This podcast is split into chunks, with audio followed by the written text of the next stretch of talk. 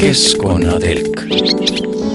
telki aitavad püstitada Keskkonnainvesteeringute Keskus ja Ökokratt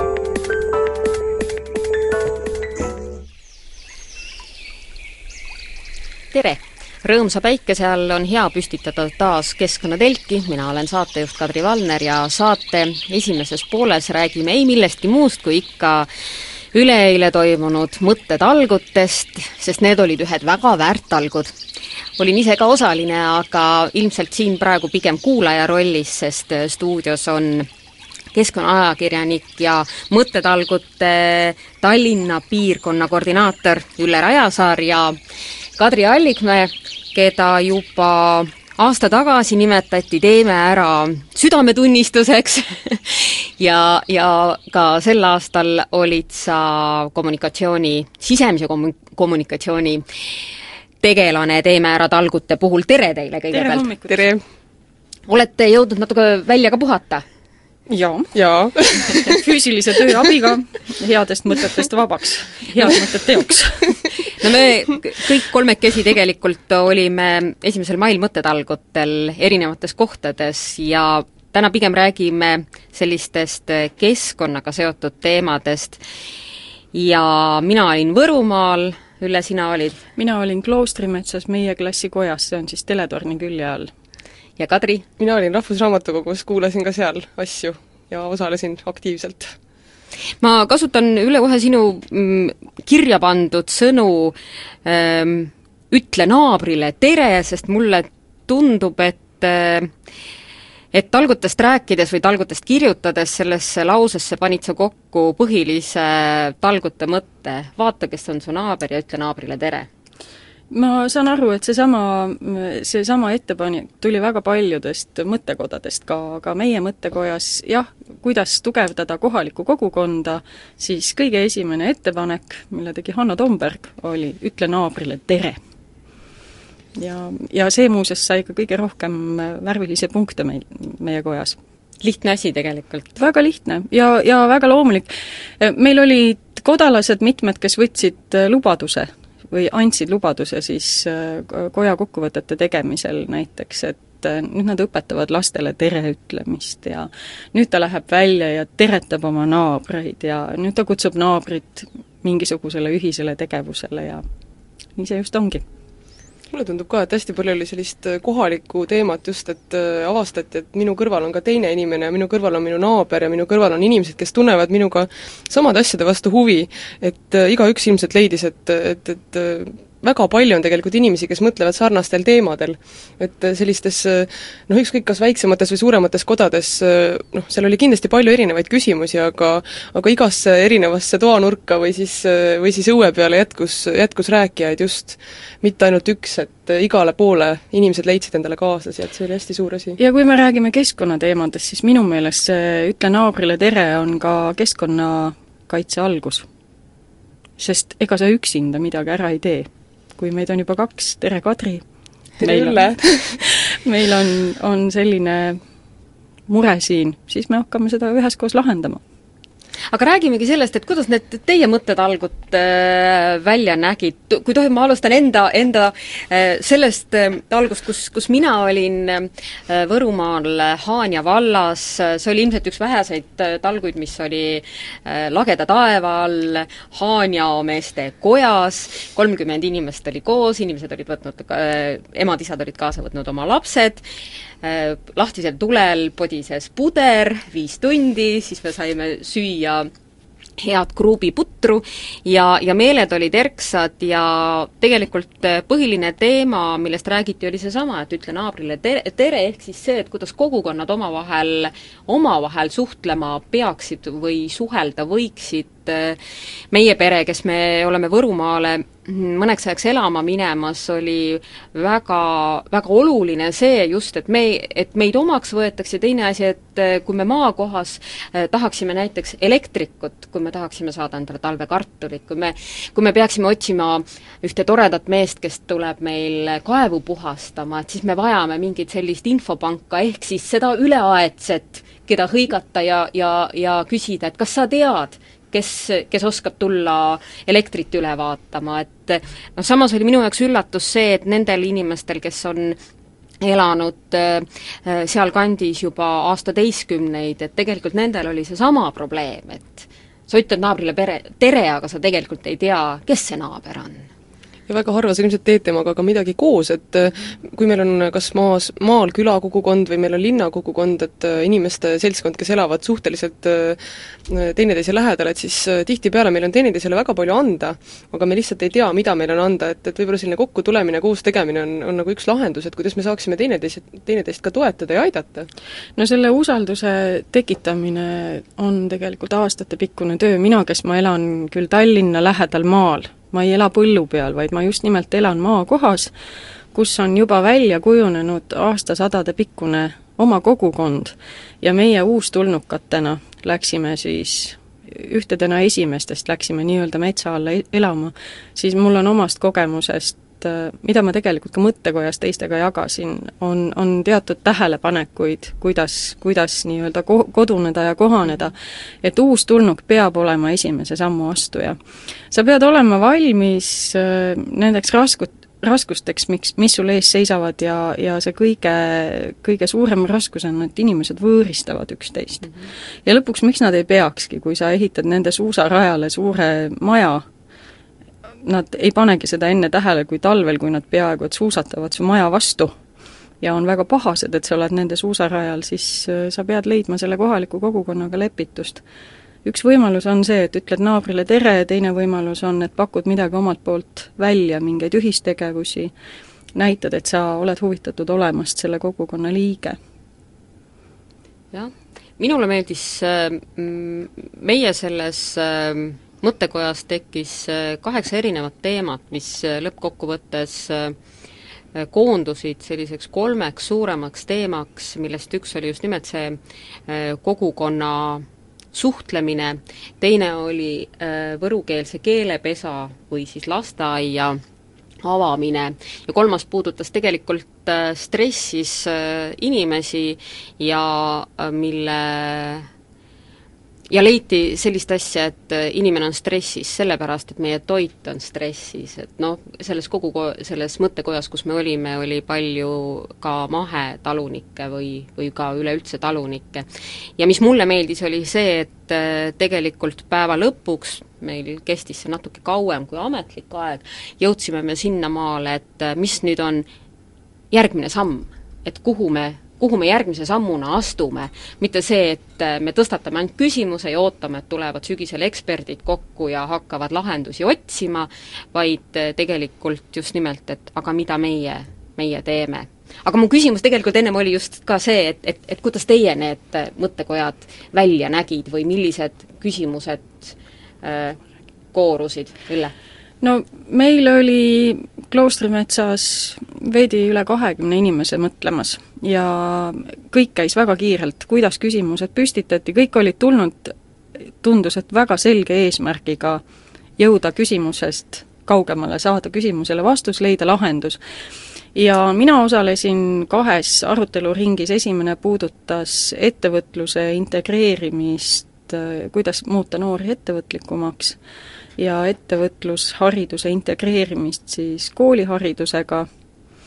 Ja leiti ka väga konkreetseid, mm, pakuti väga konkreetseid lahendusi, kuni sinnamaani välja, et äh, anti lubadus, et kes läheb näiteks lasteaedadesse viima läbi ettevõtluskoolitust lasteaiakasvatajatele ja lastele, et mängitakse ettevõtlusmänge ja, ja tegelikult jällegi, kui me räägime keskkonnateemast, siis ka see jälle suubub sellesse keskkonda, et me räägime küll ettevõtluskeskkonnast, mis on justkui üks osa meie, meie elukeskkonnast, aga aga tänane ettevõtlus ja, ja need tuuled, mis, mis puhuvad ettevõtluses, on, on ikkagi suunatud sellele, kuidas, kuidas ühiselt ressursisäästlikult rakendades oma aju hallollust nii-öelda edasi minna Teine oli siis kogukondlik äh, aruteluring ja, ja seal me jõudsime ka väga konkreetsete tulemusteni, et mida teha, et kui me astume siis nüüd naabri juurde, et kuidas me siis ühiselt midagi teeme, ja jällegi, et siis äh, kõik põlvkonnad, kes, kes kohapeal on, et, et ka neid siis kutsuda osalema ühistegevuses ja et see ühistegevus, üks huvitav asi oli, et ühistegevus ei saa olla liiga tihe mm. -hmm et see, see ei saa olla niisugune regulaarne, igakuiselt toimub, toimuv ühistegevus, vaid see peab olema ikkagi niisugune ähm, noh, paljude inimeste mõtetes sündiv algatus, mis siis üheskoos ära tehakse. ja selle vestlusringi üks äh, olulisemaid tähelepanekuid oli, oli vist see, et äh, meie põlvkond, kes me räägime kogukonnastumise vajadusest, et taas nagu seda kogukonnastumist me otsime, siis meie lapsed kellest osa nüüd juba hakkab täiskasvanuks saama, nemad on vastupidiselt meile maailmakodanikud ennekõike, individualistid. ja nende kogukonnad on Twitteris, Orkutis, Facebookis, Eesti on nende jaoks üks armas koht, aga nad ei välista seda, et nad lähevad õppima välismaale, et nad lähevad sinna tööle, et nad võtavad teisest rahvusest abikaasa endale, see, see ei ole nende jaoks probleem. ja, ja me natuke püüdsime leida vastust sellele küsimusele, et kuidas neid noori selle kogukonna juurde tagasi tuua, aga, aga see minu meelest jäi meil õhku, et meil päris sellist toimivat lahendust ei, ei tekkinudki, et me nagu jäime lootma, et noh, et kui nad saavad nelikümmend mm, -hmm. et siis võib-olla nad ka hindavad oma väärtusi natuke kogukonnakesksemalt ümber aga noh, nagu selle, selle mõttekoja kokkuvõtteks ma, ma olin, ma olin füüsiliselt ma olin füüsiliselt täiesti läbi, mul oli niisugune tunne, nagu ma oleksin teinud rasket tööd. vaim oli ergas, mõtted niiviisi peas keer-, keerlesid veel kaks päeva, kuni sinnamaani, et ma võtsin kodus reha kätte ja asusin rehitsema, et siis ma natukene sain oma mõtteid ka jälle korrastada, aga, aga koju sõites tõesti mul käed autorooli peal värisesid, sest see, see energialaks, mille ma sellest mõttekojast sain. ja see arusaam, et need võõrad inimesed, keda ma ka sinna kotta minnes veidi pelgasin, olid igaüks väärt seda, et nendega võiks, ma ei tea, noh, mi-, mida iganes, koos teha. et mulle tundus, et need olid erakordsed inimesed seal mõttekojas. ja samas, kui ma vaatan, siis me, me olemegi kõik erakordsed, eks ole ja, ja selle, selle toimunu kokkuvõttena ma, väga loodan, et need inimesed, kes ei osalenud mõttekodades, et nad nüüd südamepõhjas natukene kahetsevad, et nad ei tulnud. sest nii palju positiivset tuli sellel päeval üle Eesti igalt poolt ja tuleb siiamaani. et nüüd nendel inimestel, kes äh, ei, ei julgenud mõtlema tulla, nendel on nüüd aeg käed külge panna.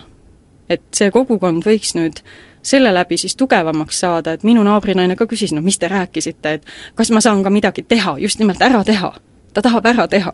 et nüüd me peaksime neid inimesi ka julgustama ja Kadri, sa tahtsid lisada?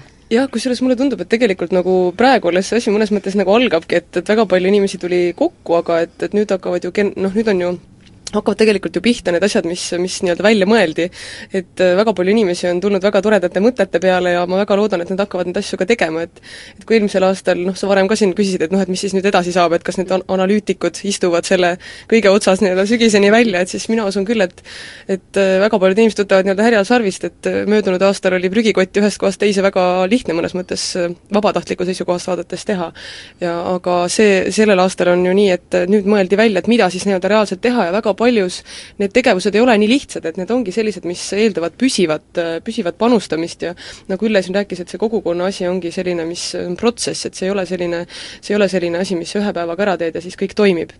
aga mis ma ennem soovisin kommenteerida, see Orkuti ja Facebooki asi, et mina, mina ütleksin mõnes mõttes noore inimesena nende asjade kaitseks ka üht-teist, et et äh, noortel inimestel võib-olla see asukohapõhine kogukonna teema nagu äh, ei ole nii tähtis, aga seevastu mina olen ise noh, isiklikult väga palju mõttekaaslasi just ka virtuaalkogukondade kaudu leidnud ja ja ma julgeksin küll öelda, et need on head vahendid, et nad aitaksid sarnastel väärtustel, sarnastel mõtetel mõtlevaid inimesi kokku viia. et mõnes mõttes need on nagu tegelikult just nimelt ka kogukonnastamiseks väga head abivahendid. nojah, meil ei olnud seal mõttekojas sinuvanuseid inimesi, kes oleksid, äh, oleksid seda seisukohta meile natuke avanud, et ma tunnistan, äh, minuvanused ja võib-olla veidi vanemad, nõks nooremad inimesed, äh, meie jaoks on see kogukonnastumine võõras, virtuaalne kogukond, see on aja raiskamine, et kui tahta efektiivset tulemust, siis ikkagi silmast silma, käed külge kusjuures aga noh, ma ütleks, et see on võib-olla noh, just nimelt vahend, et sinna jõuda, et noh, meil oli näiteks Rahvusraamatukogus väga konkreetne teema, kuna ma ise olen tõeline prügifänn, nagu jutumärkides fänn. ilmselt, ilmselt eh, prügi koristamise fänn pigem. Äh, prügi koristamise fänn jah, et kuidas ma küll sellesse rolli olen sattunud, aga mulle väga meeldib äh, puhas loodus ja tänu sellele ma siis tegelen sellega ka, et meie mõtlesime sellest, et kuidas Eestimaad äh, puhtamaks teha ja ka, et see muutus oleks püsiv, et eelmisel aastal me kõik ju koristasime ja aasta ajaga on nagu üht-teist juurde tulnud, et et noh, näha on, et ilmselt on vaja ka mingeid muid lahendusi välja mõelda, et, et, et see asi ka nagu, et Eesti ka puhtaks jääks. ja meie mõtlesime siis noh, erinevaid asju, et, et kas siis noh, reaalselt nagu pid-, pidevalt püsivalt koristada, eks ju, või siis ka, või siis ka nagu noh, mõelda välja selliseid nii-öelda noh, Inglismaal on hästi kihvt organisatsioon nimega Waste Watch, ehk siis prügivalve, et siis koostöös kõiki, kõikide kodanikeühendustega nagu naabri piirivalve ja ma kujutan ette, et Kodukant ja ka paljud teised organisatsioonid teha selline püsiv hoolivate kodanike võrgustik, kes siis hoiavad nagu silma peal, samas on ka selliseks huvigrupiks, kes aitavad siis kohaliku omavalitsusega koostöös ka kodanike poolt vaadates seda prügiteemat korraldada paremaks, et noh, kas või see, et, et oleks noh, prügikaste ja selliseid asju rohkem, et noh, et oleks üldse keegi, kes ütleks, et noh, meie kodanikena sooviksime, et oleks nii või noh, et nüüd proovime äkki koostöös teha aga mitte see ei olnud mõte, et mõte oli tegelikult see, et, et just nimelt seesamane virtuaalne kogukond, ma arvan, virtuaalse kogukonna võimalus annab meile nagu ähm, vahendid selleks, et me saaksime noh, luua sellise võrgustiku, et, et kas siis tõesti teha oma mailing listi või mida iganes, on ju, et, et see nagu annab meile lihtsalt äh, nii-öelda sammukese, millega edasi astuda. kusjuures huvitav on see, et see prügiteema käis äh, päris paljudes äh, mõttetalgutes läbi, et see vist oli Hiiumaal, kus muretsetigi selle koha pealt, et kuidas üks väike maakoht saab endale mm, sellise prügi ladestamise korraliku koha ja, ja, ja teises kohas tehti ettepanek, et kui sa näed, et kuhugi koguneb prügi, et siis eelda, et inimene üldjuhul on aus, aga et tal ei ole seda prügi kuhugi panna, siis pane selle prügi kõrvale prügikonteiner et järgmine kord jõuab see, see prügi sinna konteinerisse, et mulle tegelikult meeldib see, see, see lähenemine, mis eeldabki seda, et, et üldjuhul me tegelikult oleme ju ausad, Ülle. No see prügiteema ilmselt praegu tuleb jälle väga valusalt päevakorda ka selle majanduslanguse tingimustes, kus prügikäitlejatel ei ole taaskasutatavat materjali praktiliselt võimalik mitte kuskile müüa et need äh, prügi vabastamise lahendused on kõik väga teretulnud. Mm, nende mõttetalgute kõrvaltalgud siis nii-öelda, inimesed, kes ei tulnud mõtlema, mm, väga paljudesse, ütleme nii, et väga mitmesse vabatahtlikku kotta helistades oli äh, nende päeva ülesehitus selline, et hommikul tehti koristustalgud ja sellele järgnesid mõttetalgud. kui ma mõttetalgutel pealelõunal koju sõitsin, siis tee ääres, talude õuedes, äh, heinamaa servadel vaatasin, mis toimub, kümned autod, inimesed prügikottidega, väikeste traktoritega koristasid.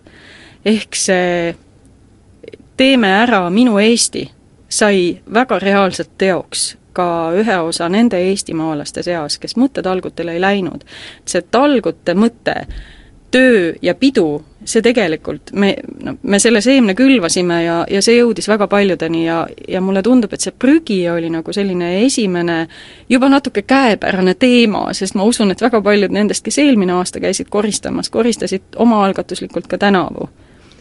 et et ähm, tuleb ainult kiita kõiki eestimaalasi, minu meelest see oli üks ehe talgupäev esimesel mail.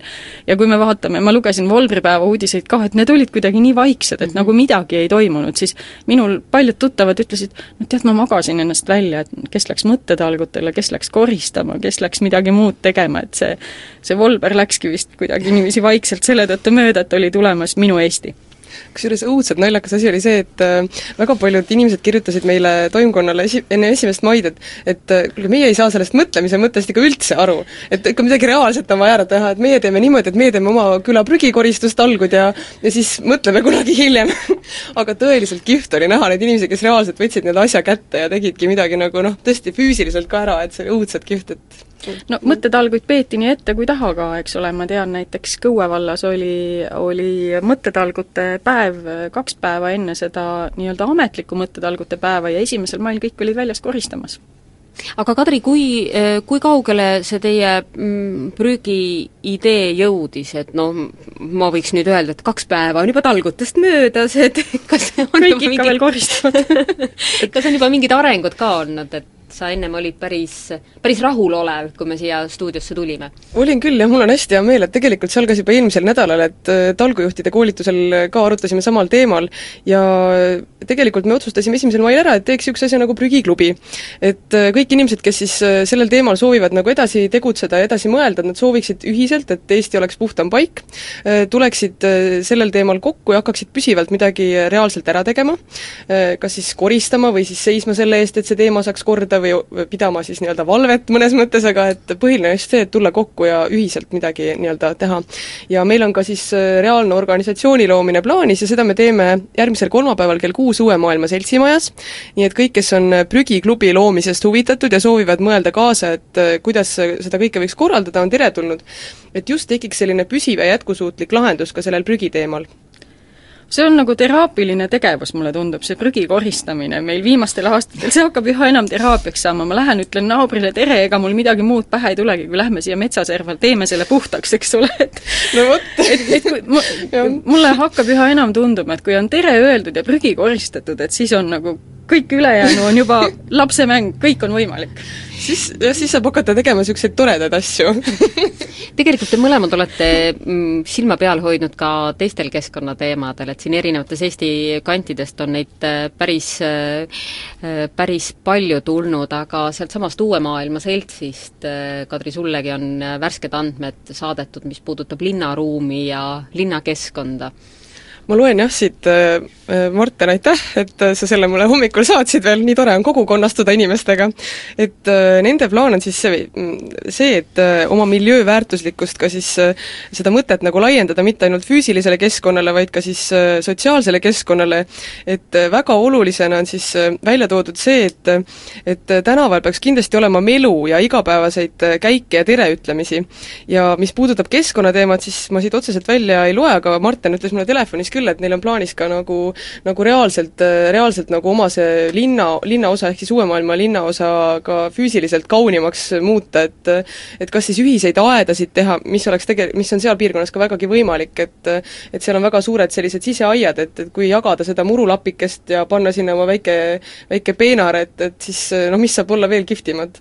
ja mis ma olen veel kuulnud, on see, et, et ka linna, linna selliseid aedasid noh, plaanitakse teha ka noh, ütleme mingi, mingisugustes muudes linnaosades, osades ja seda on ka juba tehtud. no see NO üheksakümmend üheksa ettevõtmine, külvata viljapõld, eks ole, oma maja ette.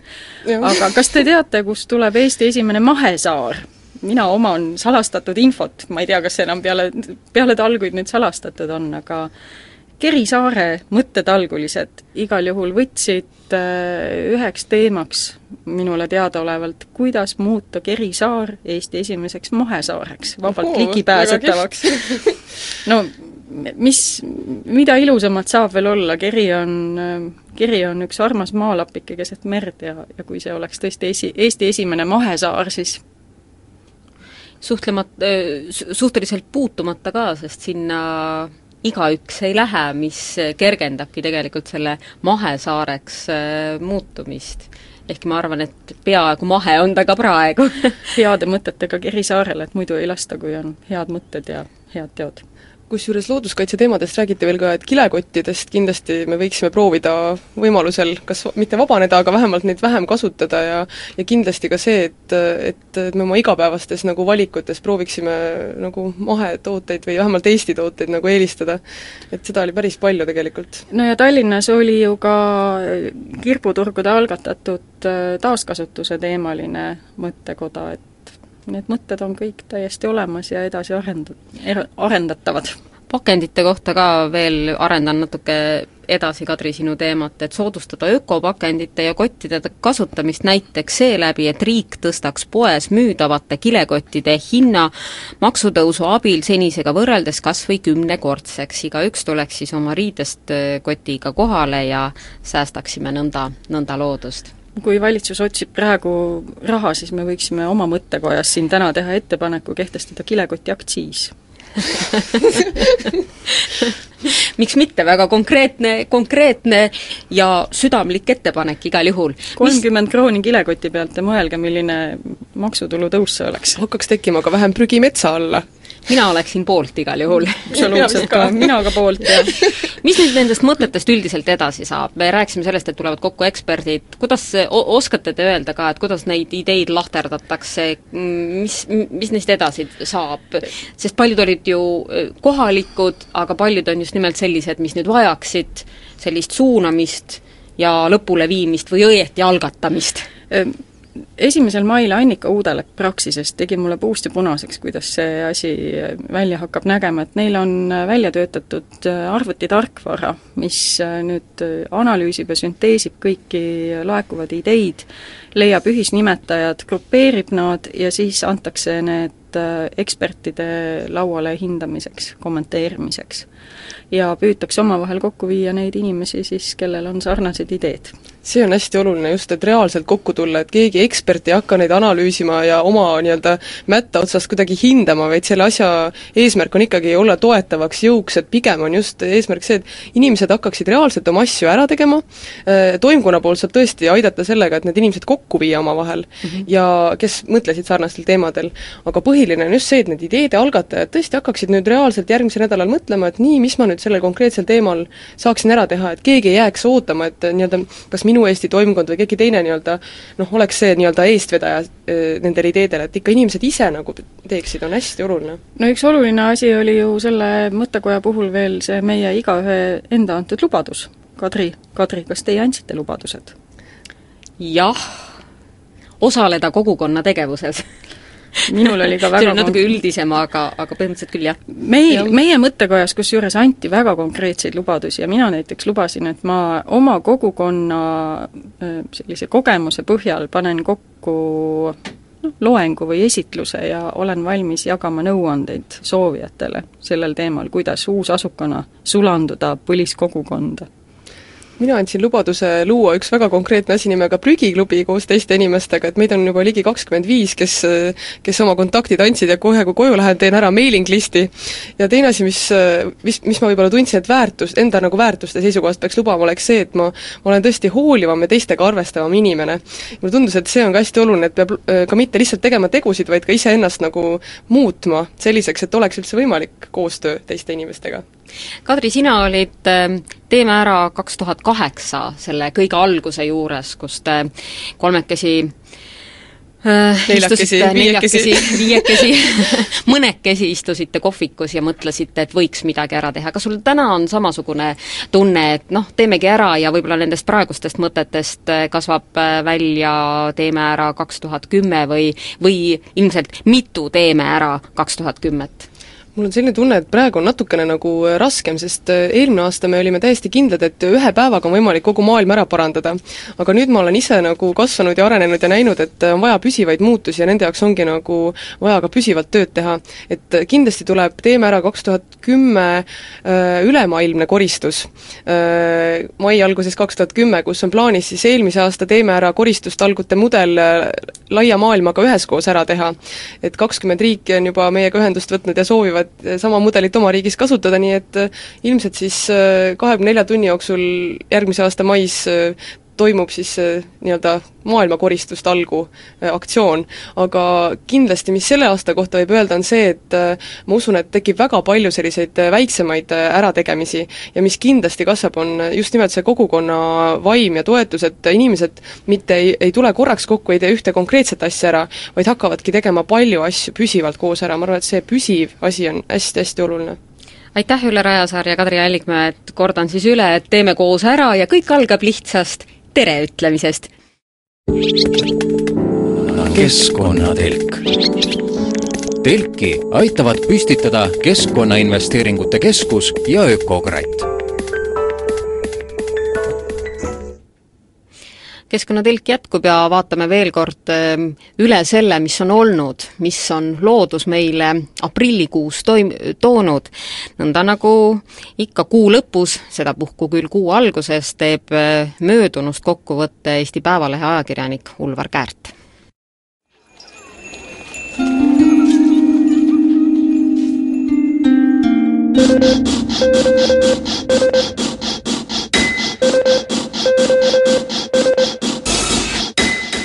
keskkonnatõlk.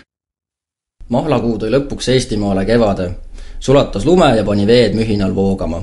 kui eelmisel korral sai veel pikki silmi oodatud esimesi sinililli ja ülaseid, siis nüüd hakkavad need juba vaata et õitsenud saama.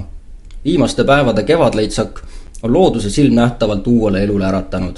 muru rohetab, toomingad on kohe puhkemas ning mets rõkkab kõiksugu sidistajatest ja vidistajatest hiljutistest tulijatest on häälepaelad valla löönud väikelehelind ja metslehelind.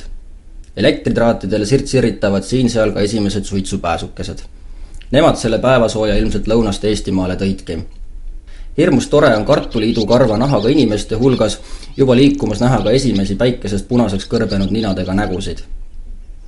ütleks, et seekord tatsas kevad kohale imede saatel. hakkasid ju kuu alguses Tuhalas nõied vihtlema ning sealne nõiakaev alustas taas keemist. vahepeal lausa kolm aastat vakatanud unikaalsele kaevule oli see juba teine keemine viimase nelja kuu jooksul. kõigepealt tulvasid kohalikud maa-alused jõed kaevusuust välja detsembris, nüüd siis jälle. kohalikud pole aga võitluses Tuhala kaevu lähedale plaanitavate kaevanduste vastu kellelegi alla vandunud. taaskordse nõiakaevu keemisega alustasid nad suurt allkirjade kogumisaktsiooni. ikka eesmärgiga saada kokku paar tuhat allkirja mille letti lüües oleks võimalik nõuda keskkonnaministrilt Nabalakandi lubjakivivarude väljaarvamist selliste hulgast, mida kaevandada tohib. vähem kui kuuga ongi kohalikel kaks tuhat kakssada allkirja koos ning üleandmiseks valmis. ja ei kulunud palju aega, mil sündis jälle ime. kolmeteistkümnendal kuupäeval kohtas Eesti üks parimaid lindude tundjaid Uku Paal Läänemaal Saunja lahel lannuvarti.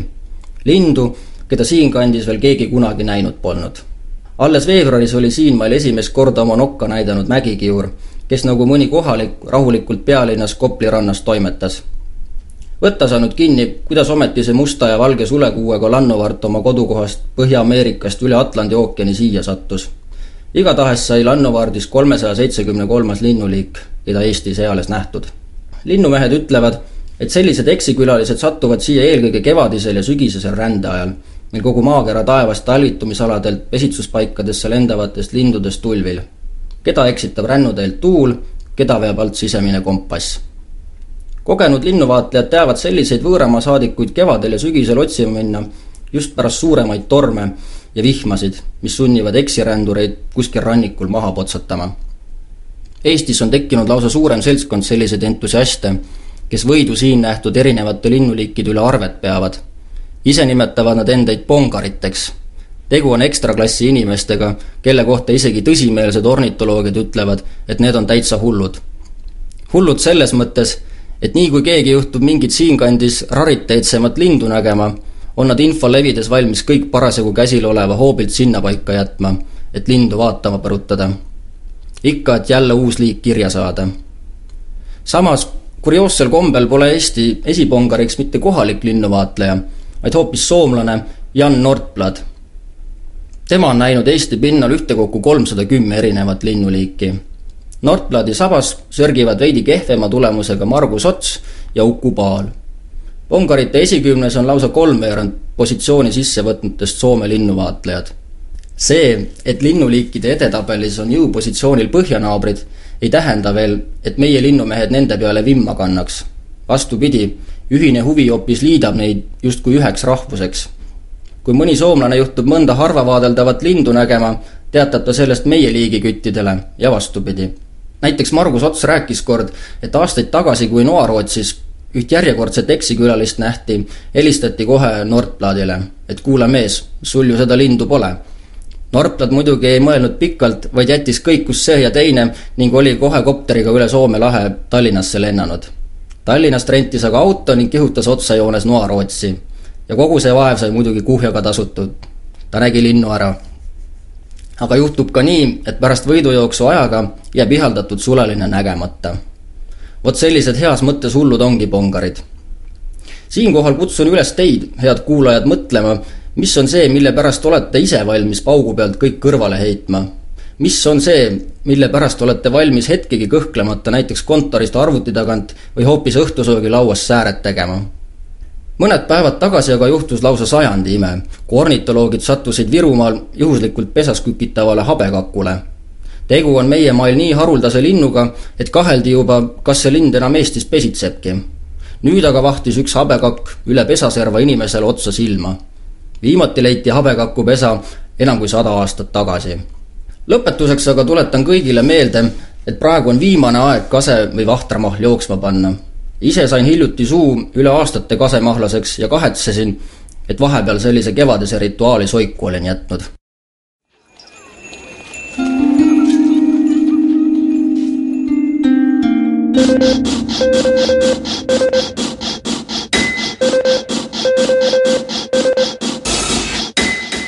keskkonnatõlk kasemahla ja lindude siristamise juurest aga põtrade maile indiaanlased usuvad, et põdrad on head luhavaimud.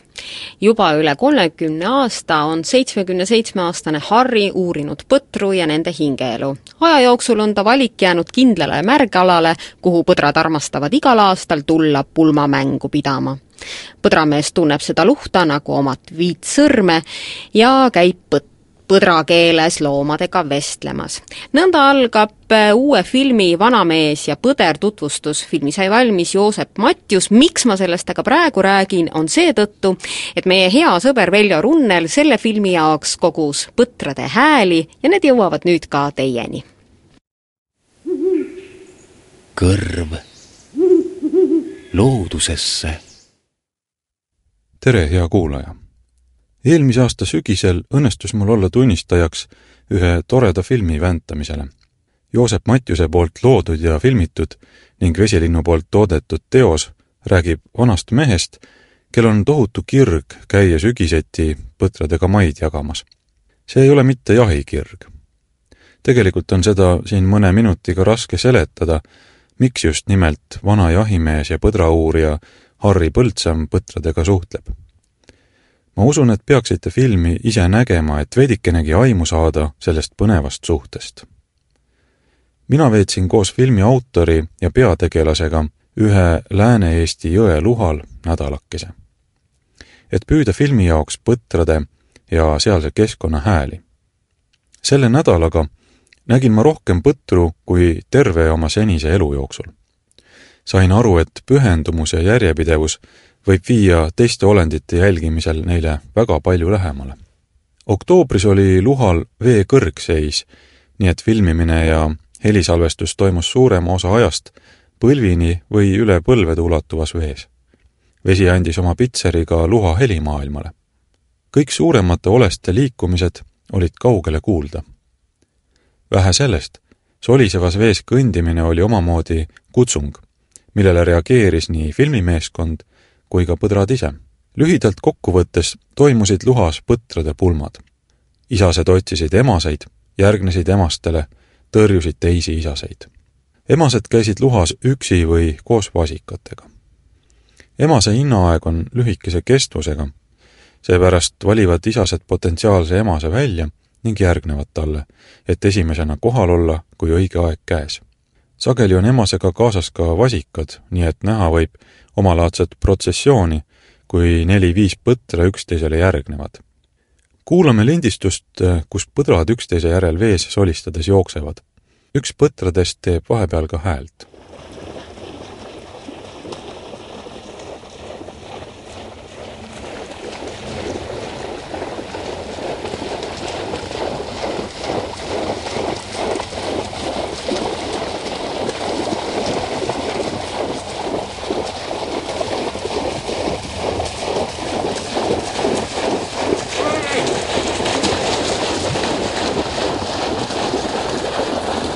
muudel aastaaegadel on põdrad üsna vaiksed, kuid septembri lõpus ja oktoobris häälekamad. isased teevad erutatud olekus omapärast joiksuvat häält. selle häälitsusega meelitatakse nii emaseid kui kutsutakse välja konkurente. ka jahimehed on juba ammustest aegadest sellest teadlikud ning teevad joiksumist ise järgi. hormoonidest erutatud põder võtab iga vähegi sarnast signaali tõe pähe ning tuleb lähemale kaema, kelle või millega tegu. lisaks antakse ka visuaalseid signaale. hoitakse pea kohal põdrasarvi või tõstes lihtsalt käed üles. kuna põdra nägemine on kehv, siis talle piisab ka küllalt hägusest sarnasusest, et uudishimu tekitada. kuulmine on neil aga hea. Nad suudavad oma suuri kõrvu keerata ja liigutada, tehes nõnda täpselt kindlaks heliallika. Kanada uurijad on leidnud, et ka isaste suured sarvekroonid aitavad helisid võimendada. katsed näitasid, et heli suunav sarv aitab kuni kakskümmend protsenti paremini kuulda.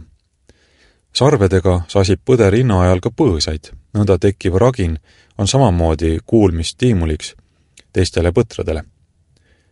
kuulame ühe uudishimuliku põdrapulli joiksumist.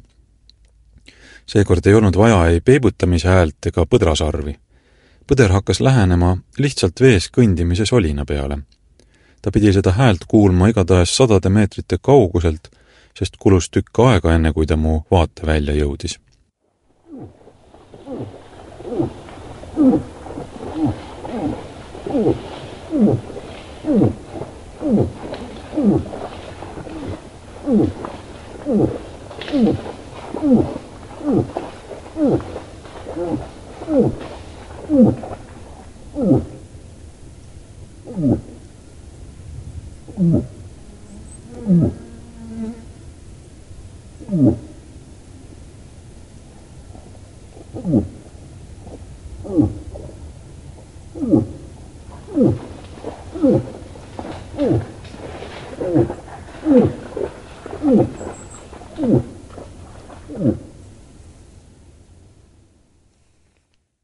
Ka emased põdrad häälitsevad.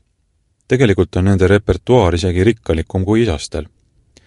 tavaliselt teevad nad omapärast hirnuvat häält siis, kui pullide eest ära põiklevad. sageli toimub häälitsemine kusagil võsa sügavuses, nii et täpselt ei näegi, mis puhul häält tehakse. kuulame kahte lindistust põdralehma häälitsustega. mis seal täpselt toimus, ei oskagi öelda, sest esimesel puhul toimus tegevus põõsastikus, teisel puhul aga öösel pimeduse varjus.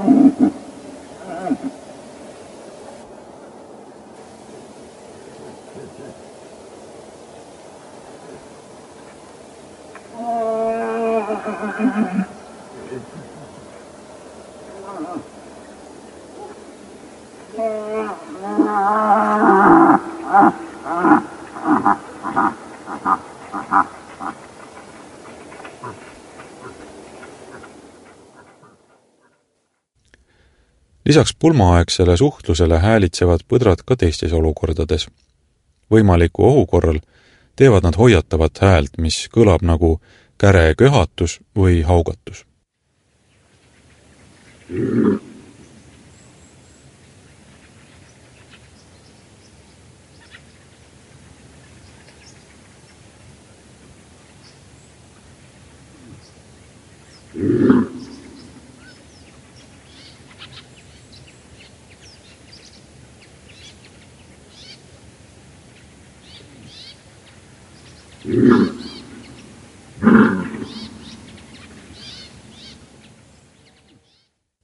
Tänase saatelõigu lõpetuseks kuulame sügisese luha linnuhääli, võsas tegutsevate värvuliste sädistamist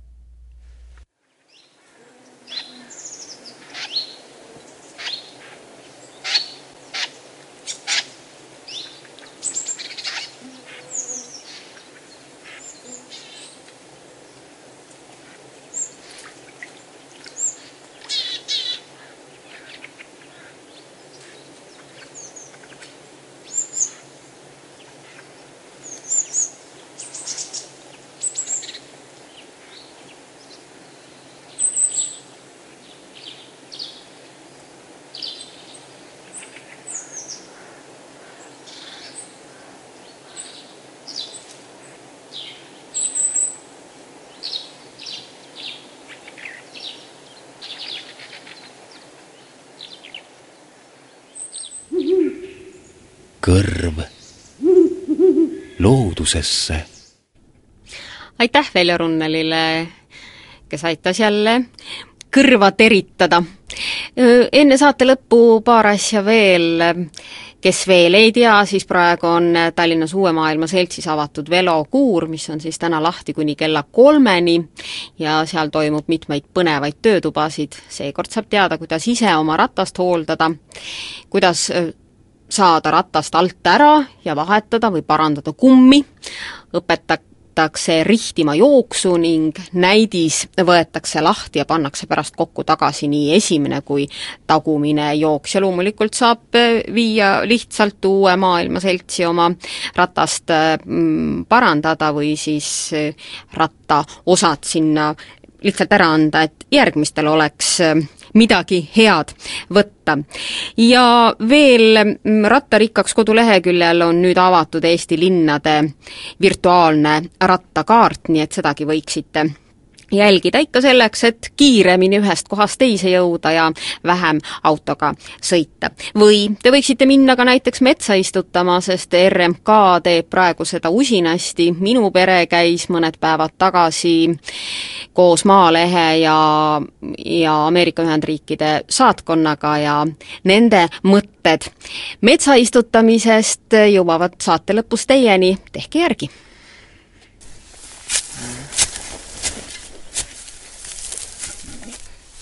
vahel on kõige suurem kuusk. kas sina vajutad kinni? kõvasti. palju sa isaga täna koos puid istutasid? peaaegu kakssada. oli see raske töö? ei, kõigepealt augu kaevata, siis panna puu sisse väike ja siis panna muld peale ja pärast kätega ära trampida. kas midagi tuleb puule soovida ka?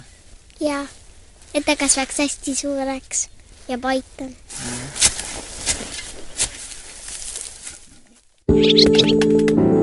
keskkonnatelk.